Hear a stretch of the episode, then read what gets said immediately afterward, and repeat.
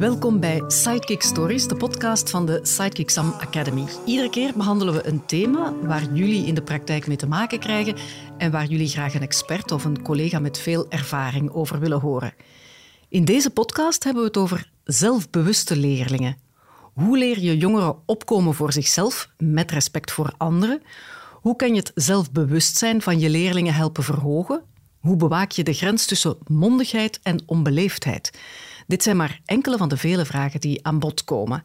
En de expert die aan tafel zit is Elke Keersmakers, auteur van het boek Emotionele Intelligentie voor Jongeren, leerkracht Latijn-Grieks van oorsprong, maar geeft het, het vak, het keuzevak Life Skills, vaardigheden voor het leven. Dus ben ik nog iets vergeten? Nee, nu ben ik niets vergeten. Je bent volledig. Laten we het maar meteen definiëren. Wat is een mondige, zelfbewuste leerling? Wel, ik vind um, zo toch eventjes kaderen dat mondig en zelfbewustzijn voor mij twee verschillende zaken zijn.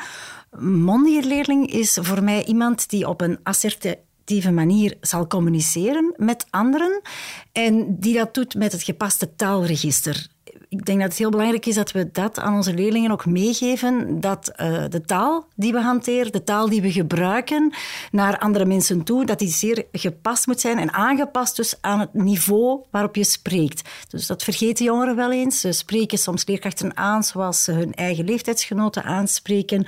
Of ze spreken de directeur de directeur aan zoals ze met hun ouders spreken. En dus dat is denk ik belangrijk, dat ze dus op een gepaste, assertieve manier leren communiceren en dat ze dat dus doen met het gepaste, het juiste taalregister.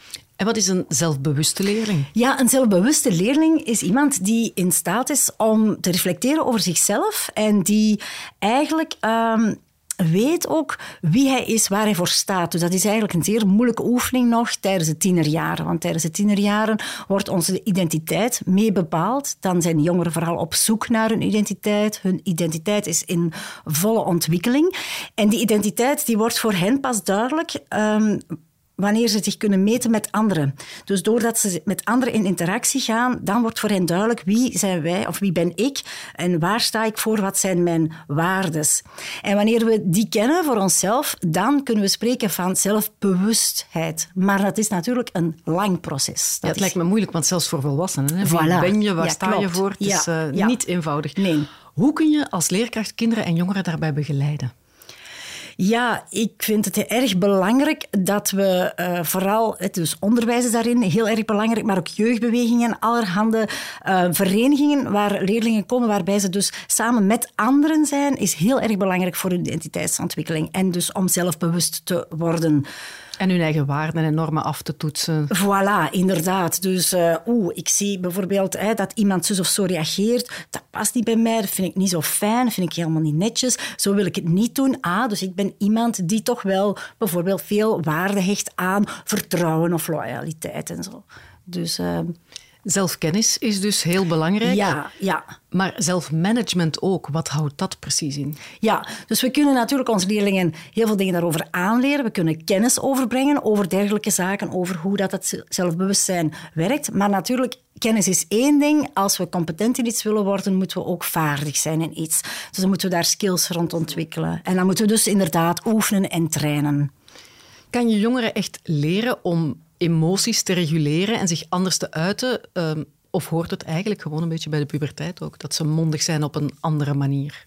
Ja, dat hoort uiteraard bij de puberteit, maar het is dan denk ik aan ons, aan opvoeders in het algemeen, dus leerkrachten, maar ook ouders, om hen daarbij te begeleiden. Dus wanneer wij hen aanleren uh, dat ze allemaal emoties hebben, dat ze die moeten leren herkennen bij zichzelf, dat we die dan gaan benoemen, begrijpen, dan komen we tot uh, reguleren. En reguleren, dat is eigenlijk dat we aan onze jongeren ook leren om bepaalde technieken toe te passen, bepaalde strategieën, wanneer ze overmand worden door emoties.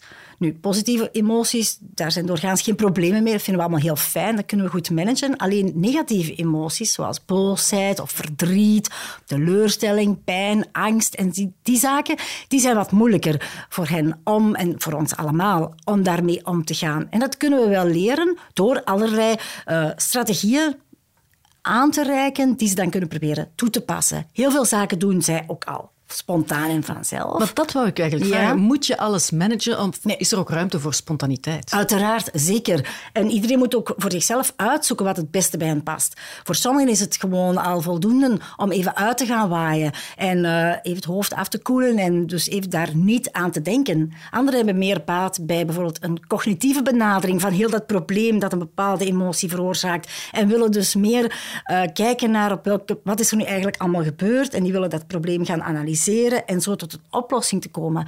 Anderen willen gewoon helemaal terugkomen bij zichzelf, zijn zich daar niet altijd van bewust, dus daar kunnen we hen eh, in bijleren, maar gewoon even tot de, de kern van de zaak, even terug naar bijvoorbeeld die eigen zintuigen. Ik word hier helemaal overmand door emoties. Ik heb geen idee hoe ik ermee om moet gaan. Diep ademhalen en wat zie ik eigenlijk? Wat voel ik? Wat ruik ik? Wat hoor ik? Even teruggaan naar onze, ja, ons sensorisch geheugen en kijken ehm, wat dat geeft. En zo komen we ook tot rust. Een voorbeeld hè, van Ja. mogelijke strategieën. Dus we kunnen dat zeker aanleren. En dat is een hele concrete in ieder geval. Ja. Hoe maakbaar is een karakter en het zelfbewustzijn van een mens? Ja, ook dat vind ik misschien twee verschillende zaken. Omdat karakter, ik denk dat karakter is iets dat moeilijk maakbaar is. Dat is, ligt vrij vast. Daar worden we mee geboren.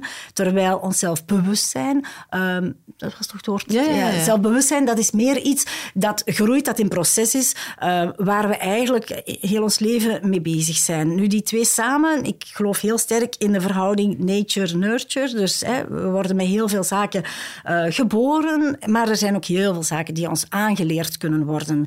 En daarom is onderwijs zo belangrijk. Om dus ons karakter eventueel nog wat te plooien. Te vormen, Na- ja. ja, inderdaad, wat verder te vormen. Als je verwacht dat leerlingen aan zelfmanagement doen, dan vergt dat eigenlijk wel een grote verantwoordelijkheid van henzelf. Hoe kunnen leerkrachten hen daarin bijstaan? Ja, ik geloof heel sterk, ik heb ook jaren in de lerarenopleiding gewerkt, dat een goede didacticus eigenlijk al ehm, ervoor zorgt dat er aan zelfmanagement gedaan kan worden. Omdat een goede didacticus... Dus je zegt eigenlijk, een leerkracht moet de juiste tools en kennis hebben. Ja, ja, inderdaad. En dat leren ze wanneer ze een lerarenopleiding volgen, omdat ze daar eh, leren wat didactiek is. Didactiek is niet gewoon kennis. Dat is niet gewoon uw vakkennis die je gaat overbrengen. Het is ook kijken hoe kunnen we leerlingen motiveren, hoe kunnen we eh, hetgeen wat wij te vertellen hebben afstemmen op hun beginsituatie. Waar staan de kinderen als ze bij ons in de klas komen? Hoe kunnen we daarmee verder aan de slag gaan? Hoe kunnen we ervoor zorgen dat wat we vertellen, dat ze dat interessant vinden? Daar gaan we hun leefwereld erbij moeten betrekken. Daar gaan we grote betrokkenheid moeten tonen en ervoor zorgen dat zij op die manier gemotiveerd worden om de lessen te volgen. Ehm, optimisme is een heel belangrijk onderdeel binnen ehm, zelfmanagement. Hè. Optimistisch in het leven staan. Daar kunnen wij als leerkrachten ook heel erg ehm, in- hen in helpen. hen Ja, is dat iets wat je hen kan aanleren? Ook, Zeker, ook door die, die feedback die wij voortdurend geven op toetsen. Wij zullen op testen en toetsen altijd feedback geven en we moeten ervoor zien dat we onze feedback formuleren eh, zodat die op een groeigerichte mindset ge- eh, gebaseerd is. Zodat we niet alleen maar focussen op wat er allemaal fout is gegaan op een bepaalde test, maar ook wat er allemaal goed ging. En dat we daar dan ook aandacht aan eh, vestigen. Wij leren onze leerlingen ook ehm, bij onze vakken eh, hoe dat ze die dingen moeten inplannen. Als, als we willen dat er een examen wordt afgelegd, op welke manier dat ze daarmee aan de slag moeten gaan. Wij leren hen leren leren. Dat zit allemaal eigenlijk ingebed in de job van, van leraar die als didacticus zijn vakinhouden overbrengt. Bij ons zit ook Mark Steemans, directeur van de TSM Middenschool in Mechelen, aan de voet van de Sint-Romboudstoren. Jullie willen dat zoveel mogelijk leerlingen zich goed voelen op school. Hoe pakken jullie dat zelfmanagement aan? Wel, eh, belangrijk is dat eh, er een, een grote veiligheid is eh, naar de leerlingen toe. Die veiligheid die kunnen we creëren door met alle leerkrachten samen afspraken te maken over wat verwachten wij. Dus eh, veiligheid, dat betekent duidelijkheid. Dus je, je afspraken moeten helder, duidelijk... Niet voor discussie vatbaar ja, dus. Niet voor discussie vatbaar, maar ook vertaald worden in eh, ja, de, een, een eh, taal die, die voor iedereen eh, heel duidelijk is. Ik geef u een voorbeeldje. Eh, als je verwacht van een, een leerling dat die beleefd is ja, dan moet je dat toch wel een, een stukje vertalen. En dan uh, hameren wij erop uh, dat beleefdheid bijvoorbeeld met twee woorden spreken is, dat dat niks kost en dat dat alleen maar een voordeel is. Dat dat, dank u wel, mevrouw, alstublieft, meneer.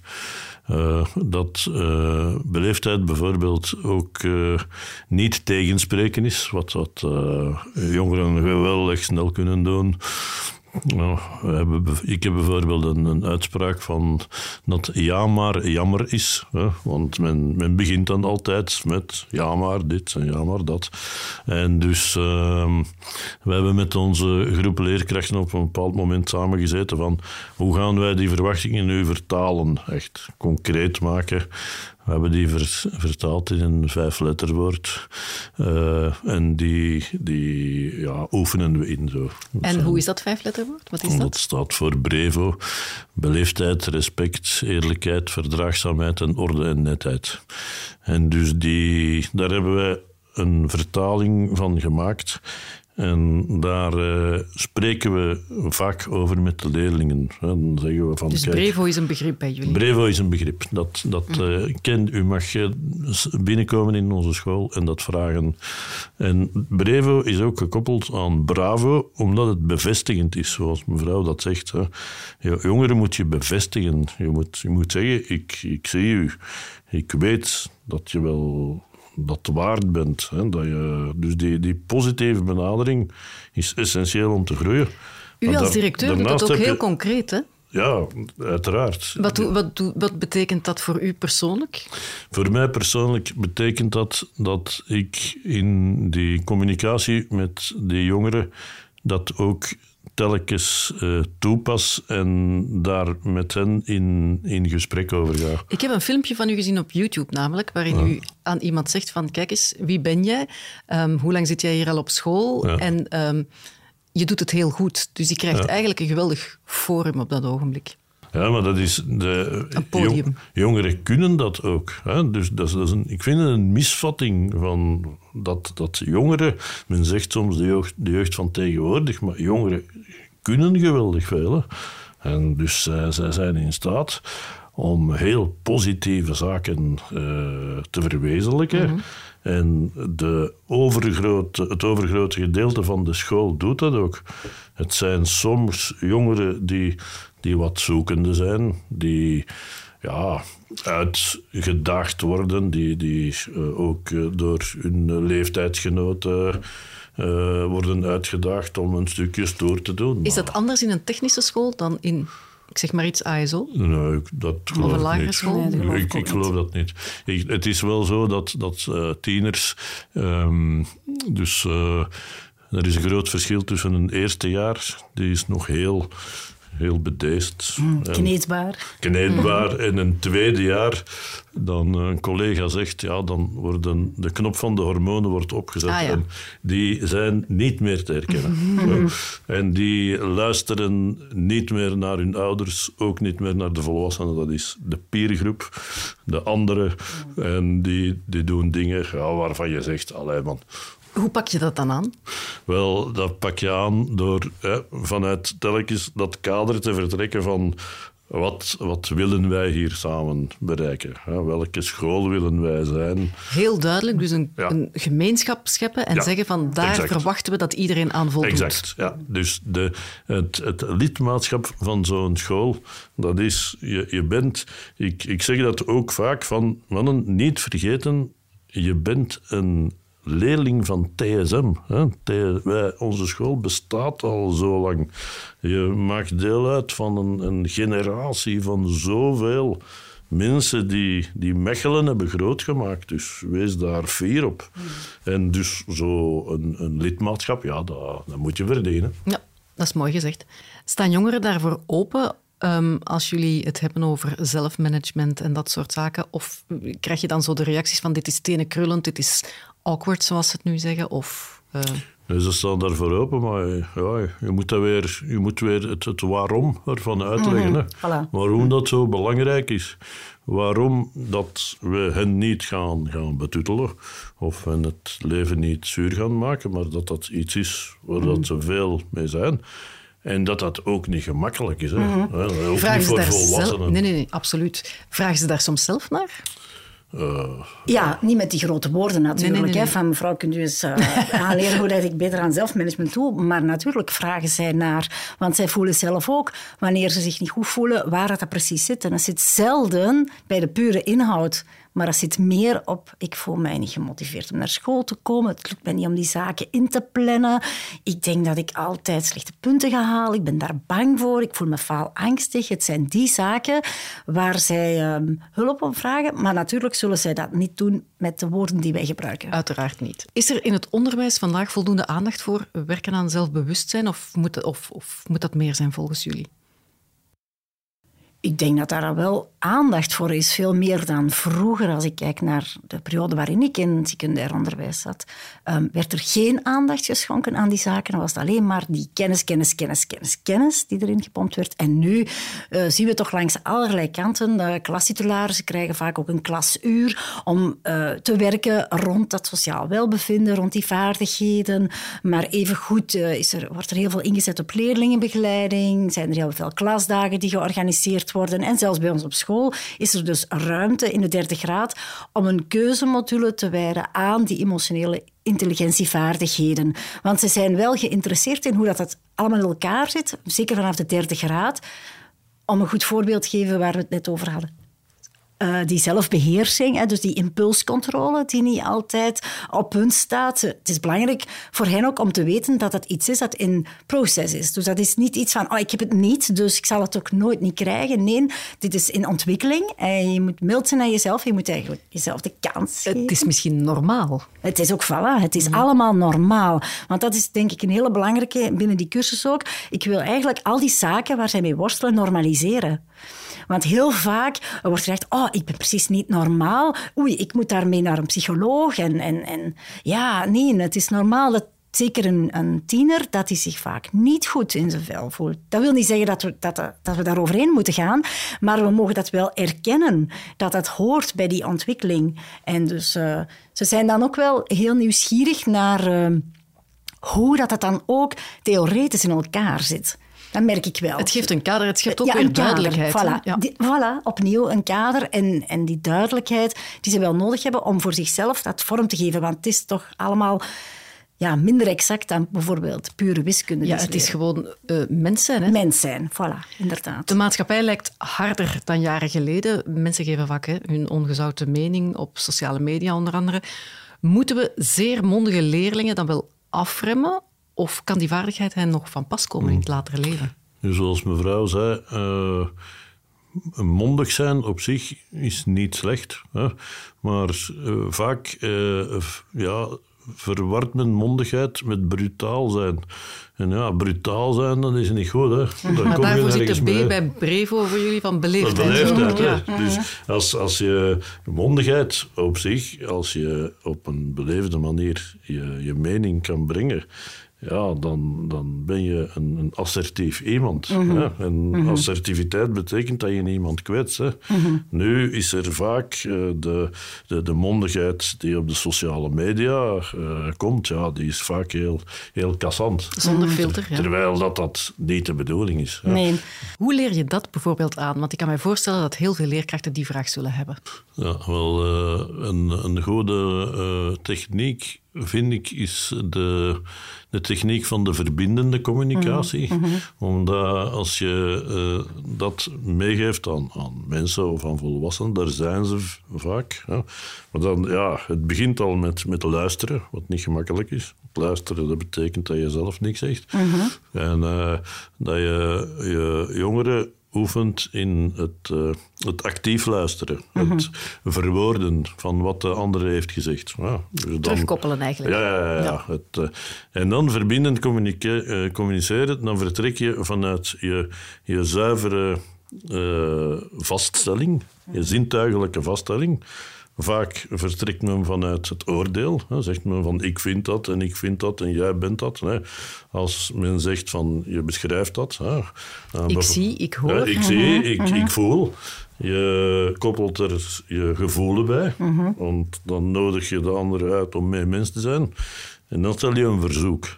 Dus dat, is, dat vinden wij in onze school hebben we al, al veel uh, goede ervaringen mee gehad. Maar weer in een veilige omgeving. In een veilige, alles, alles. Anders zal het niet werken, denk ik. Dan, dan is dat dus ook weer, als je dat niet met iedereen samen toepast, ja, dan is dat uh, bij de ene wel, bij de andere niet. Ja, ik wou er nog aan toevoegen dat ik denk uh, dat het ook belangrijk is dat we altijd vertrekken ook vanuit die ik-boodschap. Dat we het gedrag dat we ergens observeren, dat we dat beschrijven vanuit ik. Niet jij, jij doet dit of dat, maar ik zie dat jij. Want wanneer je vertrekt van die ik-boodschap, daar kan niemand iets tegen inbrengen. Als je zegt, ik voel me uh, gekwetst wanneer ik zie dat jij dergelijk gedrag stelt. Ja, daar kan men moeilijk zeggen, dat kan niet. Maar wanneer je zegt van, uh, jij doet zo, en dat vind ik... Uh, ja, dan zegt hij, ah, ik doe zo niet. Dus wanneer je vanuit die ik-boodschap vertrekt, kan iemand daar iets tegen inbrengen. En bij de jij schieten de anderen direct in verdediging. Dus dat was nog een, een, aanvulling op die verbindende communicatie. Wat ik wou vragen, wat doe je met een leerling die daar minder voor open staat, die niet wil aansluiten bij dit soort communicatie? een, een, leerling is zoals iedereen complexe mens. Hè. dus, uh, ja, ik denk dat, dat je altijd ruimte moet laten voor een leerling om even tot rust te komen. En om het niet goed te doen. hè? We moeten dat aanvaarden. Het is niet omdat wij even uitleggen, zo gaan we dat doen. Dat, hè, wanneer jullie het brevenconcept uitleggen, dat dat in orde is in kannen en kraken. Uh, wat, een... wat uh, we ook vaak doen, dat is, dat is zaken invullen voor anderen. Hè.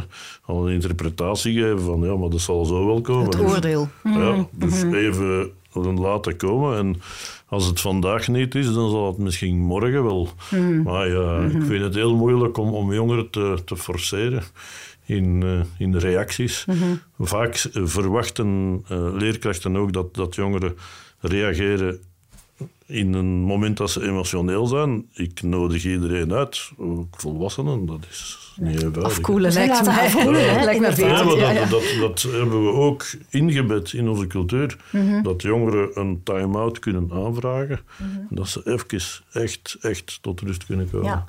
En ik denk wel dat het belangrijk is dat we altijd erop terugkomen op bepaalde incidenten die er in een klas zijn gebeurd. We laten jongeren afkoelen, maar achteraf gaan we toch proberen daar het gesprek mee aangaan, zodat hij wel merkt dat hij nog steeds wordt gezien en gehoord. En dan gaan we met argumenten proberen om met hen terug opnieuw uh, tot een joie de vivre te komen. Ja, uh, essentieel is mhm. ook dat je... Een, omdat de, het, het, onderwijs is, is zo krachtig, omdat het het draait altijd op mensen. En leerkrachten hebben ervoor gekozen om met jonge mensen te werken. En die, als er een incident is geweest, vinden we het heel belangrijk dat het hersteld kan worden. Ook vanuit de leerkracht, indien nodig. Dus, een sorry van de leerkracht eventueel? Ja, ja uiteraard. Ja, dat, dat, is zo, ja. Ook wij maken fouten als leerkracht. Ook, maar, ook maar mensen. Ja. Dus maar dan, dan... Krijg je dan net meer respect als leerkracht? Tuurlijk, Klopt. Tuurlijk. Dan aanvaarden ze ook wat er is gebeurd. Als je je eigen aandeel daarin ook erkent. Van ja, ik heb mijn geduld even verloren, want ja, het was al dit en het was al dat. En uh, ja, het spijt me, maar dan uh, is er veel meer opening. Ja, maar dat moet ook weer voor de leerkrachten veilig kunnen zijn. Ja. Dus niet dat je als, als directeur erbij, iemand erbij sleurt en zegt van nu ga dat doen. Hè. Dat is niet de bedoeling. Hè. Het moet ook van, en ook dat het niet uh, op de sociale media verschijnt in zeker, filmpjes en zo. Zeker, zeker. Hoe maak je minder mondige leerlingen mondiger? Hoe leer je hen hun gevoelens te uiten en op te komen voor zichzelf? Ja, ik denk ook dat we iedereen ook uh, in zijn waarden en in zijn karakter moeten laten. We moeten niet van iedereen heel extraverte kinderen maken die uh, te pas en te onpas hun mening um, brengen. Sommige kinderen hebben daar ook minder nood aan. Het is niet omdat ze verbaal hun gevoelens niet uiten, dat ze dat misschien niet op een andere manier kunnen doen. We zien heel mooie dingen, bijvoorbeeld bij beeld of uh, bij Nederlandse lessen, bij poëzie, dat kinderen heel mooie gedichten schrijven, maar daarom zijn dat geen tafelspringers. Maar die kunnen wel op een andere manier ook, ook in uh, creativiteit, wat betreft uh, mooie kunstwerken die ze maken, daar kunnen zij ook hun gevoelens in uiten. Dus het hoeft niet altijd op een mondige manier, op een verbale manier te gebeuren, denk ik. Ja, ik ga volledig akkoord. Wij merken ook in onze school, onze jongeren hebben geweldig veel talenten op het, op het creatieve, ja, op uh, het, het beeldende, uh, op het uh, ontwerpen van iets naar niets. Daar zijn zij heel sterk in. Hè. Dus elke mens communiceert anders. Wat jongeren wel nodig hebben, vind ik, en waar we wel in willen investeren, dat is dat ze een hulpvraag kunnen stellen.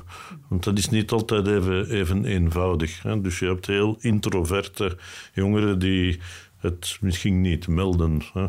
Daarom dat we ook zeggen aan ouders, als je iets merkt, uh, meld dat altijd. Hè. En ouders hebben soms schrik van, ja, maar gaat, gaat men niet zeggen, we komen hier met een prul, maar dat zijn geen prullen.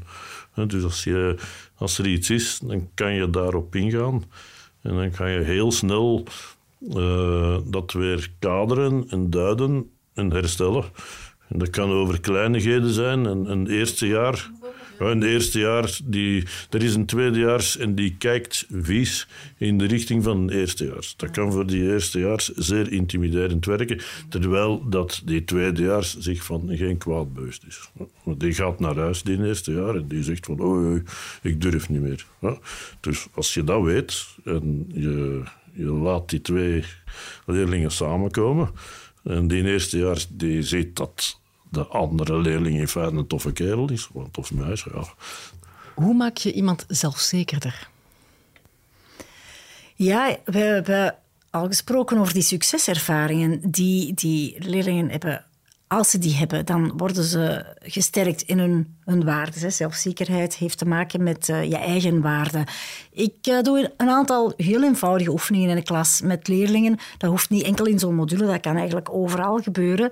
Um, wij als leerkrachten geven spontaan, hopelijk toch, complimenten aan onze leerlingen, maar zij moeten ook leren om zichzelf te becomplimenteren, om zelf een compliment uh, naar zichzelf toe te formuleren. Uh, dus dat is wel iets dat ik wel eens waar ik echt tijd voor maak. Van, uh, schrijf eens een aantal complimenten op die je zelf kan geven.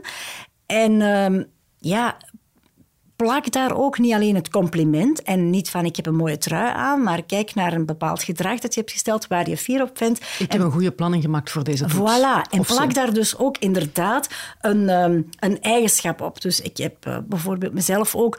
Um, ben op tijd gaan slapen, wat voor jongeren heel moeilijk is. Ik heb weerstaan aan de verleiding om nog een extra aflevering op Netflix te kijken, bijvoorbeeld. Dus um, dat vind ik een dikke pluim voor mijn zelfbeheersing, bijvoorbeeld. Daarnaast denk ik ook dat het belangrijk is wanneer jongeren um, vaak inzoomen, inzoomen op hun eigen tegenslagen, dat we dat gaan counteren. En dat we dan, ik doe dat heel vaak bij leerlingen, is gaan zeggen van... Het is het zijn niet ehm, de omstandigheden die maakt dat jij een bepaald gevoel hebt dat jij je gelukkig of ongelukkig voelt, maar het is de manier waarop jij naar die omstandigheden kijkt. Het zijn je gedachten die je, waar je zelf controle over hebt, trouwens, die ervoor zorgen hoe dat jij je voelt. Dus als je, als je met die wetenschap vertrekt, dan heb je daar heel veel controle over, want het zijn niet de anderen, het is niet de context die maakt dat je je gelukkig voelt, maar je bent het zelf. En dan natuurlijk zijn er dingen die, die gebeuren waardoor jij uh, negatieve gedachten krijgt, maar we gaan die dan proberen om te buigen. Maar we gaan eens kijken van oké, dat is er nu vandaag misgelopen. Wat is er allemaal goed gelopen? En dan probeer ik hen aan te leren om dankbaar te zijn voor een aantal zaken. En uh, de oefening die het beste werkt tot nu toe, is geef ik hen drie uh, kaartjes. Daar staat gewoon op, ik ben dankbaar voor het feit dat. Ik geef hen die drie. Ik zeg, die stop je nu in je linkerbroekzak. En je gaat ervoor zorgen dat die tegen de avond in je rechterbroekzak zitten. Oké, dan zijn er die rokjes aan hebben. Oh, mevrouw, ik dat steken? Dan zoeken we daar weer een oplossing voor. Maar het start bij elke keer wanneer jij in de loop van de dag beseft van oh, dat is eigenlijk wel leuk of hier ben ik dankbaar om, dan mag je een van die kaartjes van de linker naar de rechterbroekzak steken. En je zorgt er gewoon voor, dat is jouw opdracht, dat die s'avonds in je rechterbroekzak zit. Heel eenvoudig. Maar dus dat ze dus tijdens de dag zich bewust worden van zaken waar ze zomaar overheen gaan, die ze heel vanzelfsprekend vinden, maar die eigenlijk toch ook wel een positieve gedachte waard zijn. Heel concreet. Ja, men spreekt soms ook van die dankbaarheidsdagboeken, maar dat is niet iedereen gegeven. Dat betekent dat je daar tijd voor moet maken. Je moet daarvoor gaan zitten, je moet gaan schrijven of je moet dingen gaan tekenen. Niet iedereen wil dat doen. Dat is ook iets dat we dan nog als een moedje zien, omdat we dat s'avonds nog ineens in orde gaan brengen. Nee, doe dat gewoon overdag. Hoe herken je de signalen of iemand echt voldoende zelfzeker is? Want ja, mondig en zelfzeker is lang niet altijd hetzelfde. Kan mondigheid bijvoorbeeld ook een façade zijn? Ja, zeker. Dat kan een façade zijn. Uh, er zijn vaak zijn kinderen die, die heel extravert lijken of die heel mondig lijken te zijn. Maar wanneer ze bijvoorbeeld um, toch uh, ook veel oordelen hebben over anderen, uh, wanneer ze agressief communiceren naar anderen toe, want dat is ook mondig, dan zijn ze vaak niet zo zelfzeker. Dus dan als leerkracht zou er bij jou een alarmlichtje moeten afgaan van... Ja. Dit klopt niet. Ja. Want mondig zijn betekent dan ook hulp durven vragen, zich kwetsbaar durven opstellen. En dan ben je zelfzeker. Wanneer je ziet ook van, oké, dit lukt voor mij niet, hier moet ik even hulp inroepen. Maar wanneer mondige leerlingen zeggen, oh, voor mij alles in orde, ik heb geen problemen en het zijn de anderen die de problemen veroorzaken, dan zijn ze vaak niet zo zelfzeker. Heb je jezelf daar als leerkracht al in laten vangen? Uh, ja, zeker. Wij zijn ook mensen, we hebben wel die, die kennis misschien, maar het is uh, pas soms achteraf dat je denkt, ah ja, maar zo zit het. Omdat je, zeker in het secundair onderwijs, zie je leerlingen soms maar een paar keren per week een uurtje. Dus niet zoals in de lagere school, dat je de leerlingen de hele dag opvolgt. En dan is het doordat je ook praat met andere collega's en dat je ziet dat daar ook dingen gebeuren, dat dan de puzzel in elkaar valt. Dus ja, dat duurt soms wel even. Ja, ik denk dat het ook heel belangrijk is om al je leerlingen goed observeren. Want soms heb je heel stille leerlingen hè, die een boodschap niet brengen. Maar vooral ook als er ineens een, een serieuze verandering is. Zo. Dat, dat een leerling compleet verandert. Dat die van het ene naar het andere gaat, het uiterste.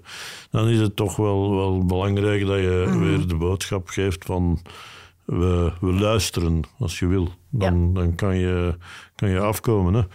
Uh, dus het zijn uh, vaak ook de, de, de heel stille leerlingen die mondig zijn op hun manier, mm -hmm. maar die een andere manier van uiten. En uh, ja, het zijn. of die zelf. Niet, ja, niet alleen de haantjes de voorste die we, die we moeten observeren. En dat is ook weer iets dat we met allemaal samen moeten doen en op een systematische manier dat we dat, dat goed eruit kunnen halen. Hoe leer je jongeren omgaan met kritiek? Want dat is voor niemand echt gemakkelijk. Hè? Ja, kritiek is een moeilijk gegeven. Hè. Ik denk dat we in eerste instantie onze jongeren moeten leren wanneer er kritiek gegeven wordt. Uh, en we doen dat op een correcte manier, dat het dan gaat over hun gedrag en niet over hun persoon. Dus ze moeten niet alles echt persoonlijk nemen. Tweede, denk ik, dat voor volwassenen ook belangrijk is dat wanneer wij kritiek ontvangen, krijgen, ja, ongevraagd natuurlijk, krijgen we dan kritiek. Dat we dat moeten zien als het probleem van de anderen en niet zozeer ons eigen probleem. Want kritiek wordt vaak gegeven van iemand die zelf onvervulde behoeftes heeft of een interesse die, waaraan niet aan um, wordt uh, tegemoet gekomen. Dus wanneer je kritiek ontvangt en je kan kijken van waarom geeft hij eigenlijk kritiek? Wat is, wat is zijn probleem bijvoorbeeld? Um, waarom heeft hij het moeilijk met dit? Dan denk ik dat het al gemakkelijker wordt om daarmee om te gaan, omdat het dan niet meer naar jou toegericht is. Elke, jij geeft uh, kleine opdrachten mee naar huis aan de leerlingen. Uit de praktijk blijkt dat de jongeren dat zichtbaar deugd doet. Kun je nog eens enkele voorbeelden geven van wat zijn zaken die goed werken? Ja, die dankbaarheidsoefening, denk ik. Dat vinden ze wel heel leuk om te doen. Dat is het eerste waar ik aan denk. Daarnaast uh, uh, maak ik met hen ook um, een, een, ja, een kwadrant over hun kwaliteiten. Want ze willen graag weten, wat zijn mijn kwaliteiten? Want talenten, ze kunnen dat wel uh, benoemen op vlak van vaardigheden. Ik kan goed turnen, ik kan goed voetballen. Maar wat zijn mijn uh, karaktereigenschappen waar ik in uitblink, vinden ze wat moeilijker. En dan gaan we samen zoeken naar uh, de woorden, want het is natuurlijk ook een moeilijke oefening. En we doen dat aan de hand van een tekening. En dan laat ik hen een tekening maken waarbij ik dingen beschrijf die zij dan uittekenen. En wonderwel komen er altijd heel veel um, karakter eigenschappen naar boven waar zij in uitblinken. Ehm, dan gaan we ook kijken naar... Uh, dan mogen ze ook hun speelgoed tekenen, waar ze vroeger veel mee speelden. En dan komen daar ook bijzondere dingen naar boven. Dus uh, leerlingen die bijvoorbeeld veel met Lego speelden, dat zijn vaak uh, kinderen die dingen willen analyseren en dingen willen ontwerpen, omdat die dingen gebouwd moeten worden. Terwijl kinderen die vroeger met Playmobil speelden, die hebben dan weer heel veel fantasie. En zo komen die dingen ook naar boven. Dat vinden ze een heel leuke oefening om te doen. Hebben jullie zo concrete zaken? Ja, het, gaat, het vertrekt weer vanuit het, het herkennen van waar, eh, waar jongeren sterk in zijn. En uh, onze leerlingen, uh, die zijn, uh, we hebben een, een, een grote mediaafdeling, dus er, vertrekken, er komen al leerlingen vanaf het eerste jaar naar ons die, die heel creatief zijn. En hun, hun boekbesprekingen, die maken ze vaak met, met audiovisuele middelen en met film. En dat zijn schitterende zaken, hè, waarvan je zegt, die, die gaan later hier werken. Hè. Dat, is, dat is talent dat dan naar boven komt zijn dan ook heel, heel fier dat, dat kunnen brengen. Maar dat is hun manier. Hè. Dus als je iemand herkent in hun manier. Hè. Wij draaien bijvoorbeeld... Eigenlijk zeg je, ieder vogeltje zingt zoals het gebekt is. Spreek je eigen taal. Ja, maar zie je het ook. Kijk, kijk naar dat vogeltje en zegt van, uw zang is mooi. En uw zang is, is waardevol hè, voor uh, jongeren Um, onlangs is er eh, dat gedicht geweest van de Antwerpse stadsdichter. Die zegt van, ja maar, label niet, hè. Erken elke, elk kind als waardevol en, en maatschappelijk belangrijk. En, ja, daar werd expliciet in opgeroepen om ook technische beroepen ja, natuurlijk, te natuurlijk. erkennen en te waarderen. Is, maar dus al, al, iedereen, hè. Dus en ga uh, uit van, van die positieve benadering en uh, breng onder woorden. Laat het ook naar buiten zien dat je, dat je fier bent op je leerlingen en dat dat geweldig krachtige jongeren zijn. Hè? Ik heb een aantal vragen van Sidekick Sams gekregen al. Ik begin bij Ellen, die zegt mondige ouders hebben ook vaak mondige kinderen. En die moeten al eens geremd worden, maar hoe pak je die ouders aan? Ja dezelfde manier als je met jongeren omgaat, als je met mensen omgaat. En je probeert ook met hen verbindend te communiceren. Alleen is het zo, bij die theorie van verbindende communicatie, je eindigt met een verzoek als leerkracht naar leerling. Maar in symmetrische relaties, waarbij we dus als leerkracht tegenover ouders staan, denk ik dat we dat achterwege moeten laten. Maar ik denk wel dezelfde manier van verbindend communiceren die heilzaam is. En dan hopen we met modeling het juiste voorbeeld te geven dat dat zo wordt overgenomen door anderen. De, vraag, de volgende vraag van Ellen is ook: het is niet simpel om timide kinderen uit hun kot te krijgen. Vaak probeer ik iets te vinden waar ze heel geïnteresseerd of enthousiast over zijn. Hmm. En dat gebruik ik dan om dichter bij hen te komen. Maar kinderen met autisme-spectrumstoornissen zijn op dat vlak nog net iets moeilijker, omdat zo vaak ook fysieke aandacht als een knuffel en een schouderklopje en zo moeilijk toelaten. Mhm. Hoe pak ik dat aan? Nee, misschien moeten we wel eens uh, ervan uitgaan dat er geen ene mal is voor een leerling en dat die niet allemaal in hetzelfde mhm. model moeten geduwd worden. Dus ook leerlingen met ISS zijn daar ook heel verschillend in. Ja. zijn tien leerlingen met ISS naast elkaar, zijn tien totaal verschillende mensen. Is er iets wat voor haar zou kunnen helpen? Is er een tip? Ja, uh, dus uh, als je al um, bevestigt naar al die leerlingen dat zij, zij waardevol zijn zoals ze zijn, hè, en dat je hen niet wil veranderen per definitie, maar dat je wel, als, als ze dat willen, dat je hen wat tips kan geven in bijvoorbeeld het stellen van vragen. Als je dat aanreikt en zij uh, nemen zelf het initiatief, dan zitten ze in hun, hun motivatie. Ja, maar het is belangrijk dat ze zelf de stap zetten. En je kan dat kader wel, wel goed uittekenen. Hè. Voor uh, een leerling met ASS is die voorspelbaarheid belangrijk, die, die mhm. veiligheid. Dus ik denk als je dat... Maar dat zij niet bevreesd moeten zijn van oei, ik ga me moeten aanpassen en veranderen omdat de buitenwereld dat vraagt. Wesley, Kinderen mogen mondig zijn en zijn dit ook meer en meer, soms te mondig en vooral onbeleefd. Met welke tools, theater, workshop, stellingspel, zou je kinderen willen tonen hoe ze mondig kunnen zijn op een respectvolle manier? Ik denk niet dat je daar theater en workshops voor nodig hebt door zelf het juiste voorbeeld te geven uh, en hen daarop te wijzen op welke zaken uh, maken dat zij van dat assertief communiceren naar het agressieve gaan. Blijft allemaal wel heel moeilijk, hè, want het gaat allemaal, het draait allemaal om um, dat je de andere wilt kennen en herkennen en de belangen van de anderen daarin wilt zien. En dat is voor een jongere moeilijk, want bij jongeren primeert het eigen belang ook wel. Uh, zij voelen zich vaak ja, een beetje het centrum van de universe, omdat dat nu eigen is aan hun ontwikkeling. Het draait ook even allemaal rond, rond hen. Dus, uh, maar ik merk elke keer wanneer je daar duiding over geeft, duidelijkheid. Hetzelfde met dat verhaal van kinderen met autisme. Die komen ook in mijn modules en dan zeggen andere leerkrachten, maar gaat dat wel lukken? Maar het zijn net door de kaders die je hen geeft, van zo en zo werkt het, dat zij wel het gevoel hebben van oké, nu krijg ik handvaten om daarmee om te gaan. Dat wil niet zeggen dat dat altijd even succesvol is, maar zij hebben daar wel duidelijk deugd van. Volwassenen volgen soms een assertiviteitscursus. Zou het ook iets zijn voor kinderen of bestaat zoiets al en heeft dat resultaat? Nou, het, het, komt in feite, je hebt dus, uh, er is een verschil tussen uh, je boodschap kunnen brengen. En dat is belangrijk dat iedereen zijn boodschap of haar boodschap kan brengen. En dat hoeft niet altijd op de, de meest ronkende manier te zijn, dat kan ook anders zijn en tussen ja, uh, een, een, brutale aap te zijn, hè, die mhm. binnenkomt en die zegt van, hey, kan je hier eens zeggen, hè, vriend?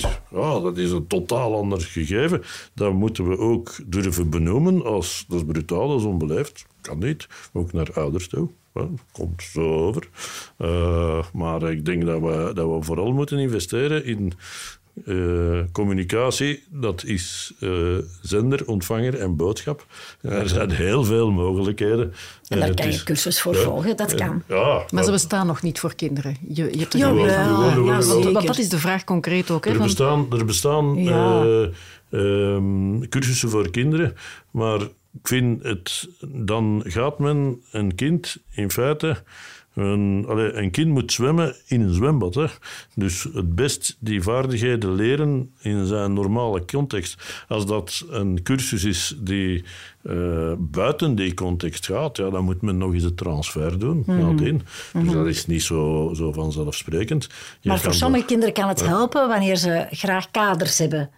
En die worden in zo'n cursus aangeleerd. En, maar dat bestaat zeker. En waar kunnen ze daarvoor terecht? Is er zo concreet ergens iets wat jullie te binnen schiet? je kan dat via het CLB.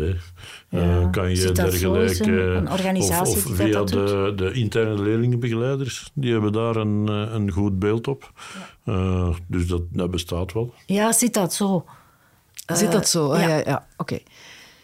Els is de volgende sidekick Sam die enkele vragen heeft. Hoe kan je lesgeven als alle leerlingen eerst hun zegje moeten doen? Ik ben niet van oordeel, ja voilà, ik ben niet van oordeel dat je dan les kan geven. Dus leerlingen hoeven ook helemaal niet hun zegje te doen ten allen tijden. Wij bepalen als leraar zelf wanneer leerlingen een zegje mogen doen. Wij zijn nog steeds in charge. Ik bedoel, het is heel belangrijk. Het is niet omdat wij leerlingen mondig willen maken dat wij uh, al het recht aan hen geven. Hè? Dus uh, nee, wij zelf bepalen. En dat hangt van dag tot dag af. Er zijn dagen dat ik les geef, dat ik ruimte, heel veel ruimte laat om hen, uh, door wat er leeft, uh, daar aandacht aan te geven. Uh, deze week bijvoorbeeld nog, in het tweede jaar waren er twee leerlingen die hadden een vriendje. Ja, dat zit niet in mijn leerplan van Latijn met de leerplan doelen van grammatica toch wou ik grammatica uh, doen, maar ik heb ruimte gegeven omdat ik hen wil leren kennen en omdat er een klasdynamiek moet komen die aangenaam en veilig is. En ik heb daar ruimte aan gegeven en dan ben ik teruggegaan met de les. Ik bepaal wanneer we terug gaan, verder gaan met de les. Maar er zijn dagen dat zij denken ook van, oh, we zullen het nog eens over die vriendjes hebben. Dat ik zeg, ja, daar gaan we het nu niet over hebben. Wij hebben het daar gisteren over gehad en we gaan nu verder met de accessatief. Ja. Dus we bepalen dat echt zelf. Hè. Vind dat zo belangrijk. Ik ondersteun dat volledig. Ah, dank u. Els vraagt ook wat met leerkrachten die geen tegenspraak dulden. Dat is jammer voor die leerkrachten, want ik denk wel dat je um, met het, um, ja, tegenspraak komt je weer heel negatief over, maar leerlingen gaan weerstand bieden tegen van alles. Oh, mevrouw, nu toch niet die toets, we hebben zoveel werk en zo van die zaken. En dan moet er steeds dialoog zijn. Dus ik denk dat het een verlies is wanneer je geen tegenspraak duldt. Want dan jaag je hen alleen maar meer tegen je in het harnas. Uh, ik vind een, dat er een verschil is tussen uh, ja, wat, wat is tegenspraak? Ja, ja, dus klopt. als, als uh, een leerkracht altijd zou zeggen, en het zou mij verbazen van, ja maar kijk, ik, ik luister niet, ja, uh, dat denk ik niet. Maar het kan wel zijn dat een uh, leerkracht op een bepaald moment zegt: ja, op, dit is niet het juiste moment. en dat leerlingen dat dan interpreteren van: ja, we mogen niks zeggen. Dus dat, dat geven we ook mee. Uh, maar ik denk dat het precies de, de essentie is van leerkracht zijn. Dat je op de, de juiste momenten in communicatie kan gaan. Hoe leer je jongeren eerst te luisteren voor ze hun mening willen uiten? Ja, dan komen we terug op het actief luisteren. Dat is een vaardigheid die zeer uh, belangrijk is. Um, ja, ik oefen dat echt in in de klas, bij die module Life Skills, rond uh, ja, empathisch luisteren. Volgens het RASA-principe. En dat wil zeggen, dat is een acroniem voor die R staat voor receive. Eerst gaan we die boodschap ontvangen met een uh, non-verbale gepaste houding. Dus wanneer iemand tegen je spreekt, dan gaan we die persoon aankijken, dan gaan we met onze benen daar naartoe gericht staan, dan gaan we niet uh, met ons lichaam al gedraaid staan, zo van die zaken. En dan komen we bij die, die uh, A, en dat is eigenlijk dat je appreciate, dat is allemaal Engels, appreciate dat je laat merken dat je hoort, dat, dat je ja, knikt, ja knikt van ah, dat je laat merken, ook non-verbaal, dat je hoort wat ze zeggen. Door bijvoorbeeld, uh, ja, niet alleen knikken, maar aha. Zo, ah ja, aha. Of zo, ja, ik doe het nu allemaal non-verbaal. Mensen kunnen dat niet zien. In ieder geval veel non-verbale communicatie te gebruiken. Die S staat dan voor summarize, dus dan gaan we even samenvatten, heb ik het goed begrepen dat. Want soms horen we dingen en geven er een eigen interpretatie aan. Dus belangrijk dat we de boodschap die ze vertellen, dat we die nog eens even vertalen dat, en samenvatten, dat dat de juiste boodschap is. En daarna nog even wat vragen stellen. En zo'n zaken oefenen we dan de A van Ask dan. Ja, sorry, inderdaad, de A van Ask. Uh, jongeren, zeker op, op sommige leeftijden, die reageren onmiddellijk. Impulsief, vanuit gevoel. Dus als ze dan soms bij mij komen, dan geef ik een kaartje mee en daarop staat: ik tel tot tien. En dat heeft een heel, een heel groot effect. Als ze dat doen, dan zitten ze al soms uit hun emotie. En dan, is de, dan kan de reactie uh, anders zijn. Hè. Natuurlijk ook die, die vaardigheden van actief luisteren, die moet je echt wel intrainen hoor. Dat is niet. Uh, ik denk dat ook uh, vele, vele volwassenen uh, dat, dat niet zo eenvoudig is. Hè. Sidekick Sam Debbie uh, wil weten, vaak zijn het ouders die melden dat het niet goed gaat met een leerling. We proberen erop te hameren dat de jongeren ook zelf het initiatief nemen en aangeven wanneer ze willen praten. Dat lukt met vallen en opstaan. Hoe ouder ze worden, hoe vlotter dat loopt. Ik zie u alle twee bevestigend knikken. Ja, klopt. In de derde graad is het gemakkelijker om met hen in gesprek daarover te gaan dan in de eerste graad. Al is het maar omdat ze in de derde graad ook rijper zijn en zelf ook gemakkelijker kunnen verwoorden waar ze problemen ondervinden. En in de eerste graad is dat toch doorgaans nog moeilijker. Ja, ik denk dat het uh, belangrijk ook is om de jongeren altijd uit te nodigen om de ouders erbij te betrekken. Want de ouders zijn zo, zo een belangrijke ja, bron van steun en van hulp. Hè. Dus dat je dat toch niet te gemakkelijk uh, mag, mag nalaten. Maar niet ieder kind heeft een even gemakkelijke thuissituatie. Ja, dat klopt. Maar een ouder blijft een ouder. Dat is een onverbreekbare band. En uh, ik denk dat we daar ook altijd heel voorzichtig in moeten zijn. En dat we toch ook die, die ouder uh, zoveel mogelijk daarin moeten herkennen van het is, het is wel uw kind. Hè. en, dat we ik die... denk bijvoorbeeld heel concreet aan iemand met een problematiek van een ouder die verslaafd is. Ja, ja, ja dat is een, een heel um, schrijnende problematiek waarschijnlijk.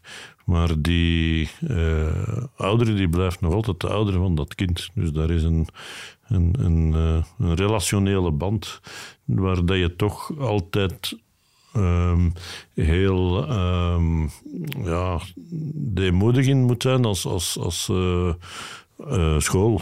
En dat moet erkennen van het, je moet je uiterste best doen om die ouderen erbij te blijven betrekken. Bianca vraagt als sidekick Sam wat met leerlingen die er alles uitgooien zonder na te denken. Je weet dat dit niet kan, maar je weet dat deze leerling dit niet zo bedoelde.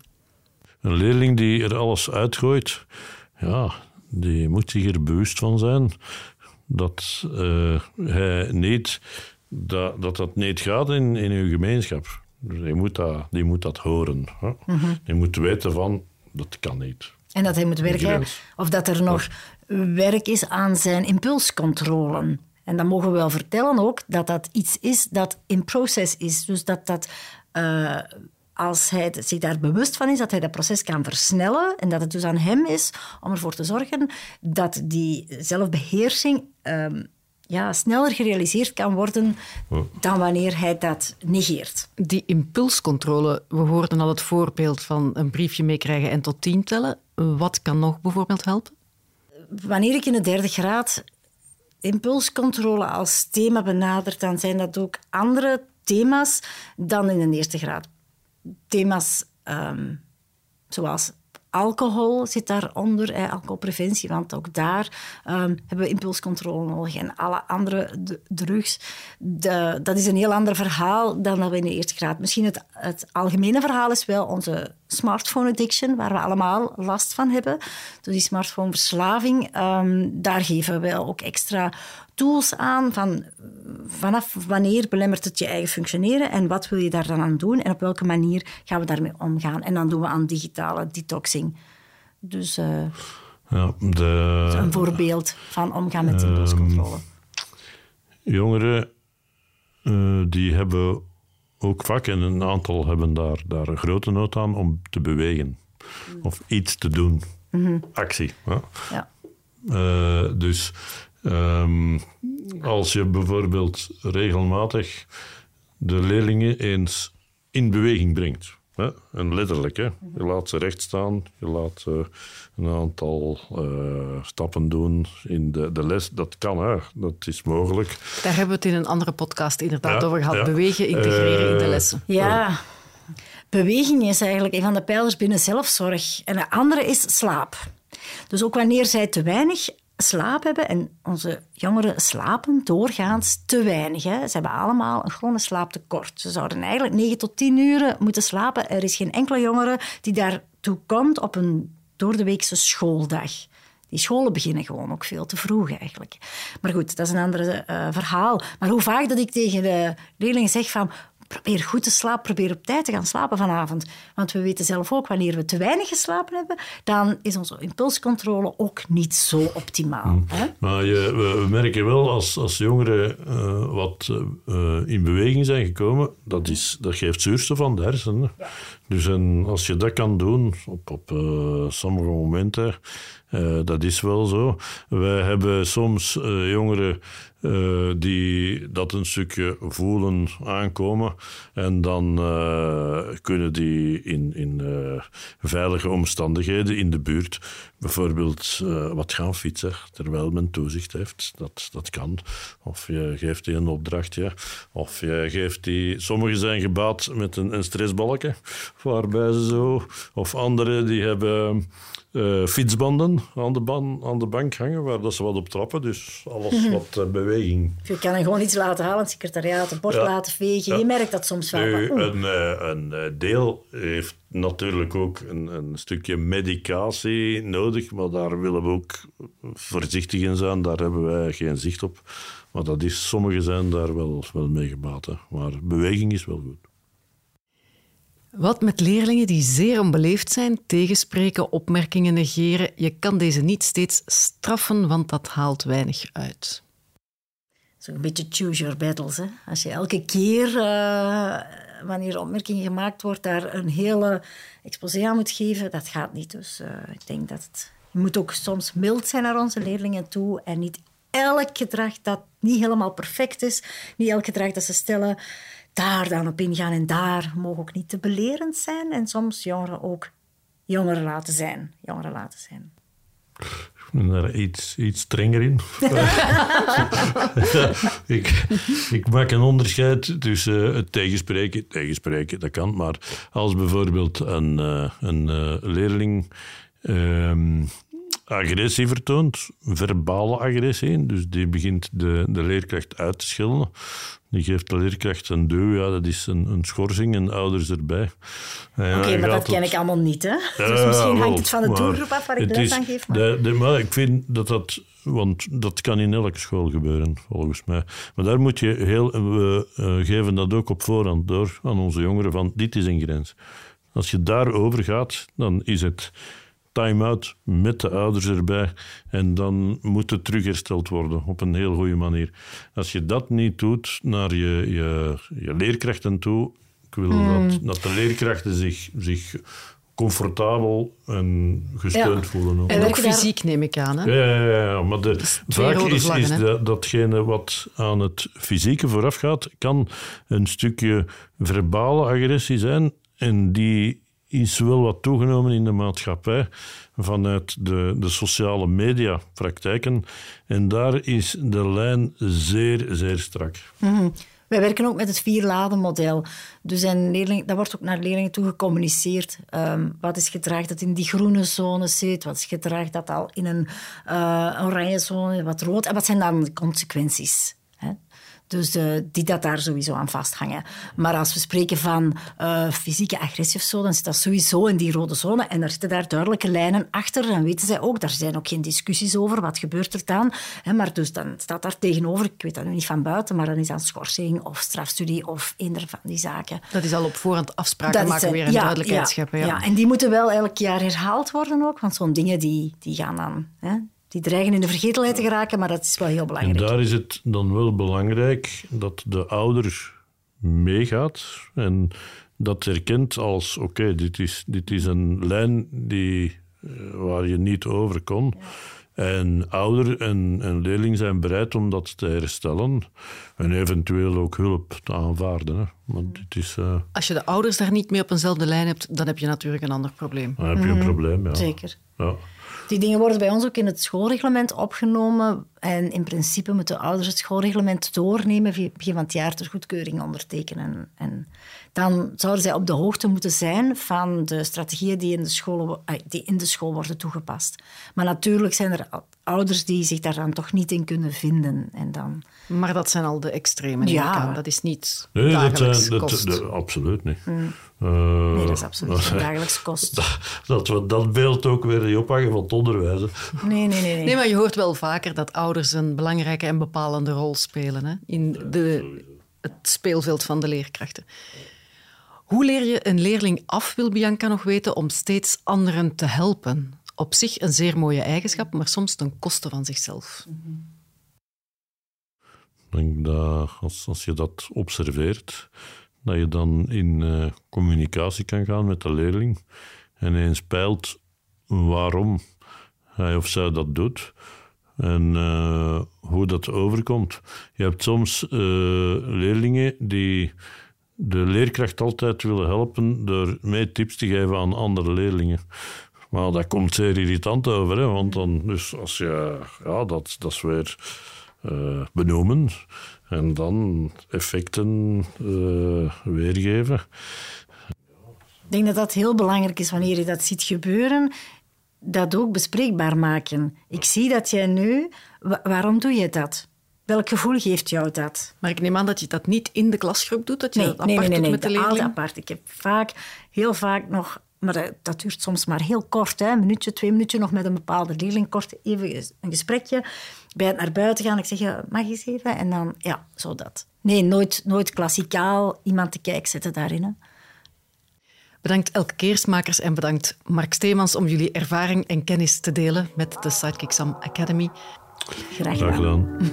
En jij bedankt om te luisteren naar de Sidekick Stories.